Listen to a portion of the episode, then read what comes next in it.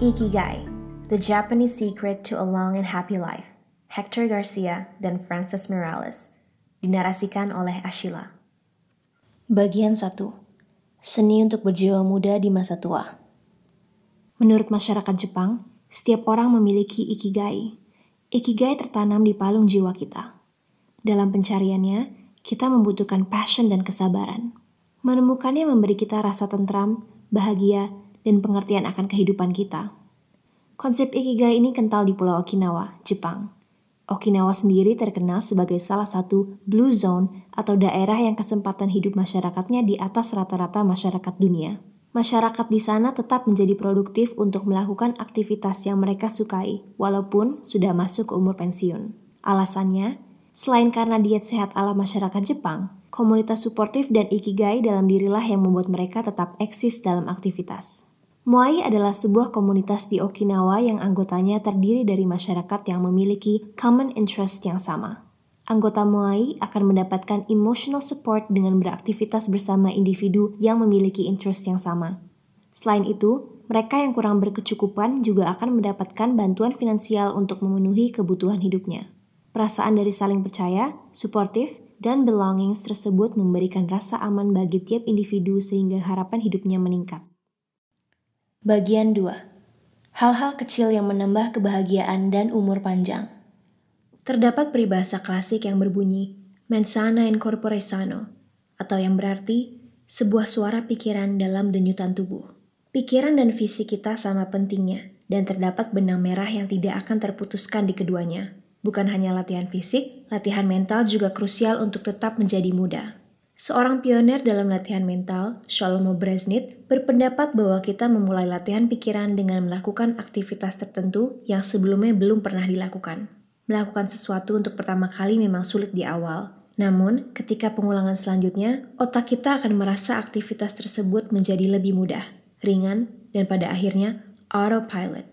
Manfaatnya tidak hanya dari hasil yang didapatkan, tetapi juga self-image. Di level di bawahnya, Shlomo menjelaskan kegiatan seperti interaksi individu, bermain games, dan mencari hobi akan menawarkan stimulus dan membantu kita untuk menjauh dari depresi. Neuron kita mulai menua ketika kita memasuki umur 20-an.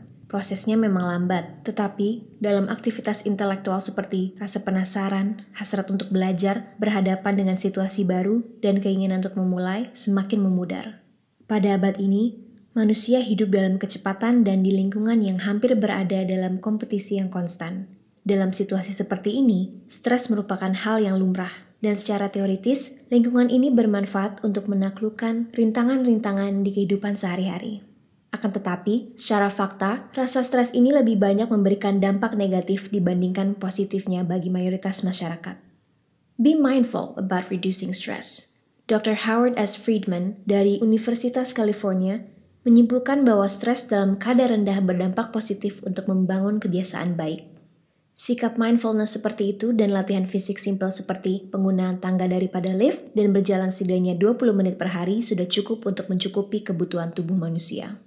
Lebih lanjut, sebuah studi di Universitas Yeshiva menemukan bahwa individu yang hidup lama memiliki dua kesamaan, sikap positif dan kesadaran emosi yang tinggi. Dalam kata lain, manusia yang menghadapi sebuah tantangan dengan sikap positif dan kontrol emosi sudah dalam perjalanan menuju umur panjang.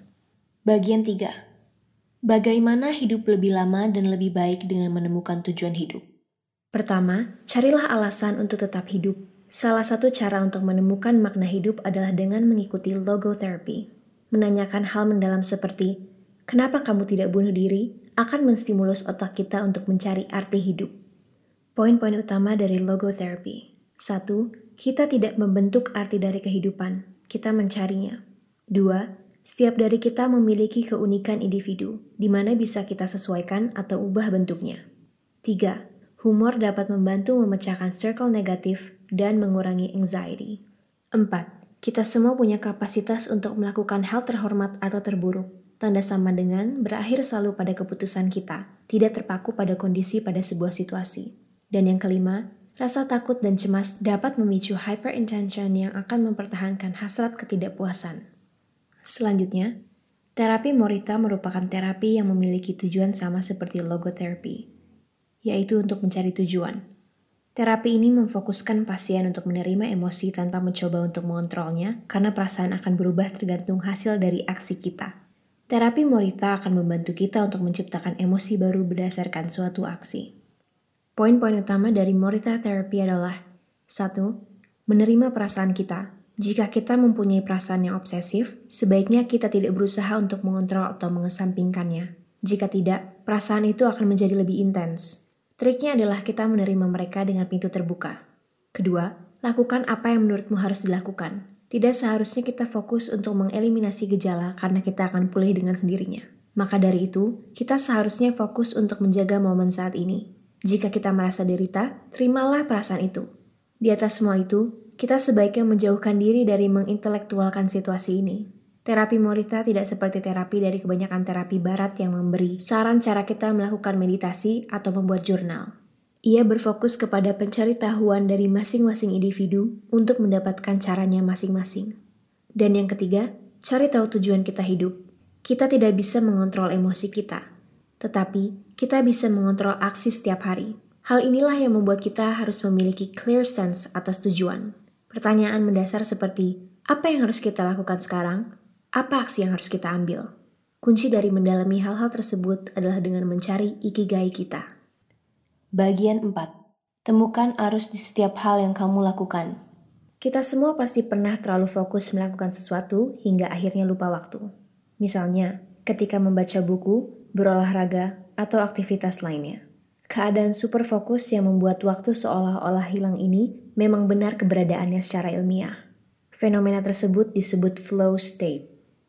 Lalu, apa hubungan flow state dengan ikigai?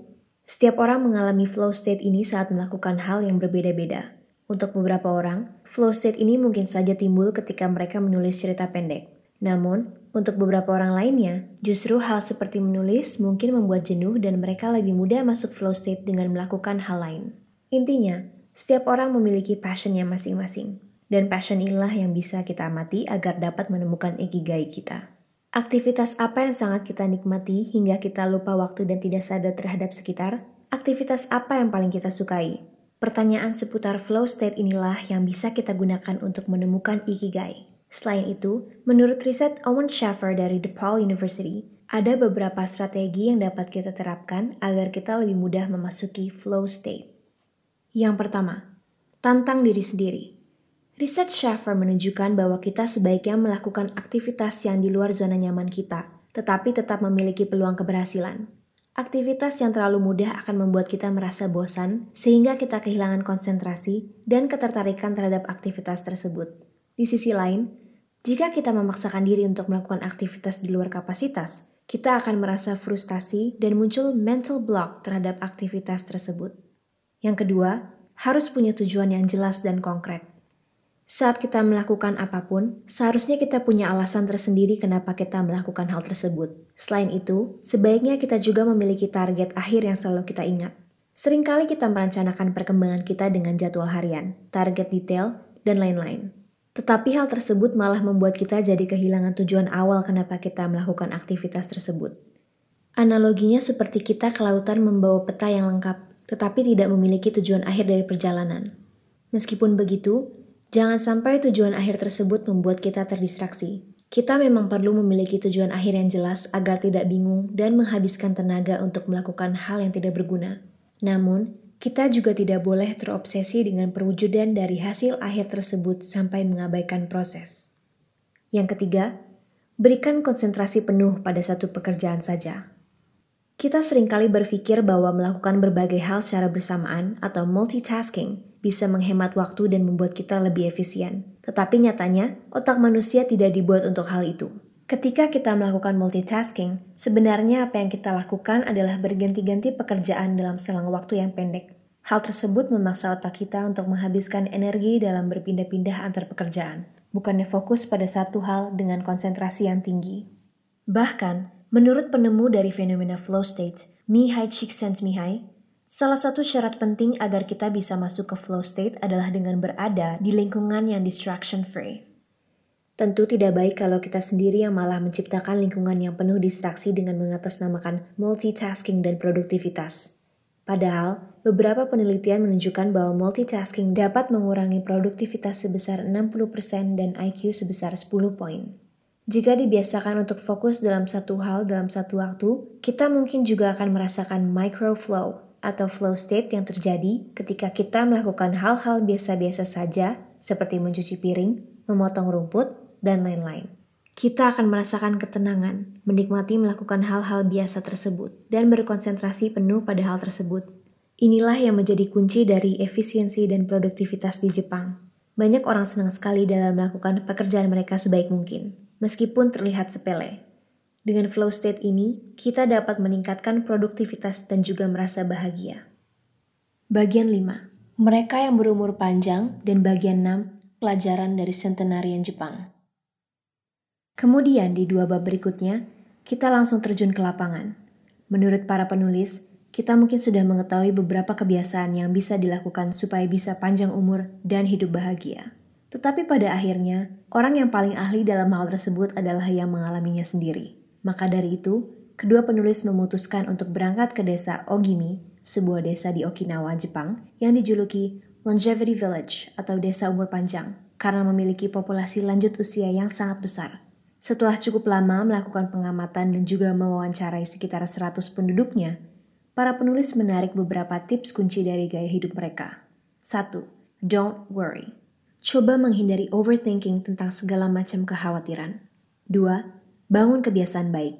Coba biasakan untuk tidur lebih awal dan bangun lebih pagi. Selain itu, biasakan untuk berolahraga dan memakan makanan yang sehat. Nutrisi penduduk Ogimi biasanya berasal dari kebun mereka sendiri, sehingga terjamin kesehatannya. To live a long time, you need to do three things. Exercise to stay healthy, eat well, and spend time with people. 3. Lakukan aktivitas bersama teman. Rata-rata warga Ogimi sangat antusias dengan aktivitas bersama teman-temannya. Bahkan ada yang menganggap bermain dengan teman sebagai ikigai mereka. Dengan hampir setiap hari ada agenda ngobrol santai, nongkrong bareng sembari minum teh hijau, mereka tidak pernah kesepian. 4. Jangan terlalu terburu-buru. Meskipun warga Ogimi memiliki banyak aktivitas setiap hari, mereka tidak pernah terburu-buru dalam melakukannya. Kuncinya adalah intens, namun tetap rileks. Dengan hidup tanpa terburu-buru, otomatis mereka hidupnya tenang dan jauh lebih bisa dinikmati. Kelihatannya, kata stres tidak ada dalam kamus orang Ogimi. 5. Hidup dengan optimis. Dan terakhir, para warga Ogimi mengakui bahwa mereka selalu hidup dengan optimis dan penuh keyakinan bahwa mereka akan menjalani hari berikutnya dengan semangat yang sama dengan hari-hari sebelumnya. Begitulah kira-kira kesimpulan yang dapat kita ambil dari kehidupan warga Ogimi. Sepertinya, umur tidak menghalangi mereka dari berbagai kesibukan. Dan mungkin justru karena itu mereka tetap memiliki semangat dan motivasi untuk bangun setiap pagi yang berdampak secara psikologi dan fisiologi sehingga mereka rata-rata umurnya panjang. Bagian 7. Apa yang dimakan dan diminum oleh orang-orang yang hidup paling lama di dunia? Menurut World Health Organization, Jepang memiliki angka harapan hidup tertinggi di dunia, khususnya penduduk di Provinsi Okinawa yang melebihi Swedia, Amerika, dan bahkan Jepang itu sendiri. Para ahli mengatakan Okinawa satu-satunya provinsi di Jepang yang tidak memiliki kereta, sehingga mereka harus berjalan atau bersepeda saat tidak berkendara. Okinawa juga satu-satunya yang mengikuti rekomendasi pemerintah untuk mengkonsumsi kurang dari 10 gram garam per hari. Keajaiban diet Okinawa Diet Okinawa sering dijadikan bahan diskusi panel tentang nutrisi di dunia. Makoto Suzuki, seorang kardiologis Universitas Ryukyus yang telah menerbitkan lebih dari 700 artikel saintifik tentang nutrisi dan penuaan di Okinawa bersama Bradley J. Wilcox dan D. Craig Wilcox yang bergabung dengan tim riset Makoto, akhirnya menerbitkan buku berjudul The Okinawa Program. Mereka menyimpulkan Orang lokal memakan berbagai macam makanan, termasuk sayuran. Mereka mengonsumsi rata-rata 18 makanan yang berbeda setiap harinya, sangat kontras dengan kemiskinan gizi dalam budaya makanan cepat saji kita. Kemudian, mereka mengkonsumsi setidaknya 5 porsi buah-buahan dan sayur-sayuran. Lebih dari 30% kalori harian mereka datang dari sayuran. Selanjutnya, biji-bijian adalah makanan dasar mereka, seperti nasi. Dan yang terakhir, mereka jarang mengkonsumsi gula. Kalaupun iya, mereka hanya makan gula tebu. Hara Hachibu Saat kamu menyadari kamu hampir kenyang, tapi sebenarnya masih bisa diisi, berhenti makan. Cara mudah menerapkan konsep harachibu adalah dengan melewatkan hidangan penutup. Inilah mengapa ukuran porsi di Jepang cenderung lebih kecil dari barat. Semuanya ada pada satu piring kecil untuk menghindari makan terlalu banyak. Jadi, makan lebih sedikit untuk hidup lebih lama. Kunci untuk tetap sehat selagi mengkonsumsi lebih sedikit kalori adalah memakan makanan yang nilai gizinya tinggi dan menghindari makanan yang menambah asupan kalori kita secara keseluruhan, tetapi menawarkan sedikit atau bahkan tidak ada nilai gizi. 15. Antioksidan alami Antioksidan adalah molekul yang memperlambat proses oksidasi dalam sel, menetralkan radikal bebas penyebab kerusakan dan penuaan, seperti teh hijau dan shikuasa. Inilah 15 makanan yang dianggap sebagai kunci vitalitas Okinawa. Tofu, miso, tuna, wortel, goya, kombu, kubis, nori, bawang, kecambah kedelai, hechima, ubi, kedelai, paprika, dan teh melati atau sanpincha. Bagian 8. Olahraga dari timur yang meningkatkan kesehatan dan umur panjang. Saat kita mengunjungi Ogimi, desa dengan umur panjang, kita akan menemukan orang berumur yang masih sangat aktif. Mereka berjalan-jalan, melakukan karaoke bersama tetangga, atau berkebun. Jika kita tinggal di perkotaan, mungkin kita mengalami kesulitan untuk bergerak secara alami dan sehat setiap harinya. Tetapi, kita bisa beralih ke olahraga yang telah terbukti selama berabad-abad bermanfaat bagi tubuh. Disiplin timur untuk menyeimbangkan tubuh, pikiran, dan jiwa telah menjadi sangat populer di barat yang di negara aslinya sudah digunakan untuk mempromosikan kesehatan. Yoga yang berasal dari India, meskipun populer di Jepang dan Qigong dan Tai Chi Tiongkok, berusaha menciptakan harmoni antara tubuh dan pikiran seseorang sehingga mereka dapat menghadapi dunia dengan kekuatan, kegembiraan, dan ketenangan. Centenarian, atau orang yang telah hidup berumur 100 tahun, Jepang menunjukkan semua yang kita perlukan adalah menambahkan gerakan ketiap harinya, seperti melakukan radio taso, yoga, tai chi, qigong, dan shatsu. Bagian 9. Ketahanan dan wabi-sabi. Bagaimana menghadapi tantangan hidup tanpa membiarkan stres dan kekhawatiran membuat kita lebih tua? Jika kita berbicara tentang ikigai, biasanya kita juga membicarakan tentang mengejar passion. Apa pun yang terjadi, tidak pernah menyerah. Ini berkaitan tentang ketahanan yang bukan hanya kemampuan untuk bertahan, tetapi juga cara pandang yang dapat dikembangkan untuk tetap fokus pada hal-hal penting dalam hidup daripada yang paling mendesak dan menjaga diri agar tidak terbawa emosi negatif. Ketahanan adalah kemampuan kita untuk menghadapi kemunduran, untuk mengangkat diri kita kembali ke apa yang memberi makna pada hidup kita. Orang yang memiliki ketahanan mengetahui cara untuk tetap fokus pada tujuan mereka dan pada apa yang penting tanpa menyerah pada keputusasaan. Mereka berfokus pada hal-hal yang bisa mereka kontrol, bukan tentang apa yang terjadi pada kita, tetapi tentang bagaimana kita bereaksi. Menurut Stoicisme, tidak ada salahnya menikmati kesenangan hidup selama itu tidak mengendalikan hidup kita. Kita harus siap untuk kehilangan kesenangan itu, cepat atau lambat. Orang bisa menjadi tidak pernah puas, untuk itu, orang Stoa berpendapat bahwa kita dapat melatihnya dengan memvisualisasikan hal negatif dan terburuk yang sekiranya bisa terjadi saat hak istimewa dan kesenangan tertentu diambil dari mereka. Daripada mengkhawatirkan masa lalu atau masa mendatang, kita harus menghargai hal-hal saat ini. Wabi-sabi adalah konsep Jepang yang menunjukkan kepada kita keindahan dunia yang sekilas, berubah dan tidak sempurna. Alih-alih mencari keindahan dalam kesempurnaan, kita harus mencarinya dalam hal-hal yang cacat, tidak lengkap. Wabi-sabi mengajarkan kita untuk mengapresiasi keindahan ketidaksempurnaan sebagai kesempatan berkembang. Sedangkan Ichigo Ichie yang mengandung arti, momen ini hanya ada sekarang dan tidak akan datang lagi. Mengajarkan kita untuk fokus pada masa sekarang dan menikmati setiap momen yang diberikan kehidupan.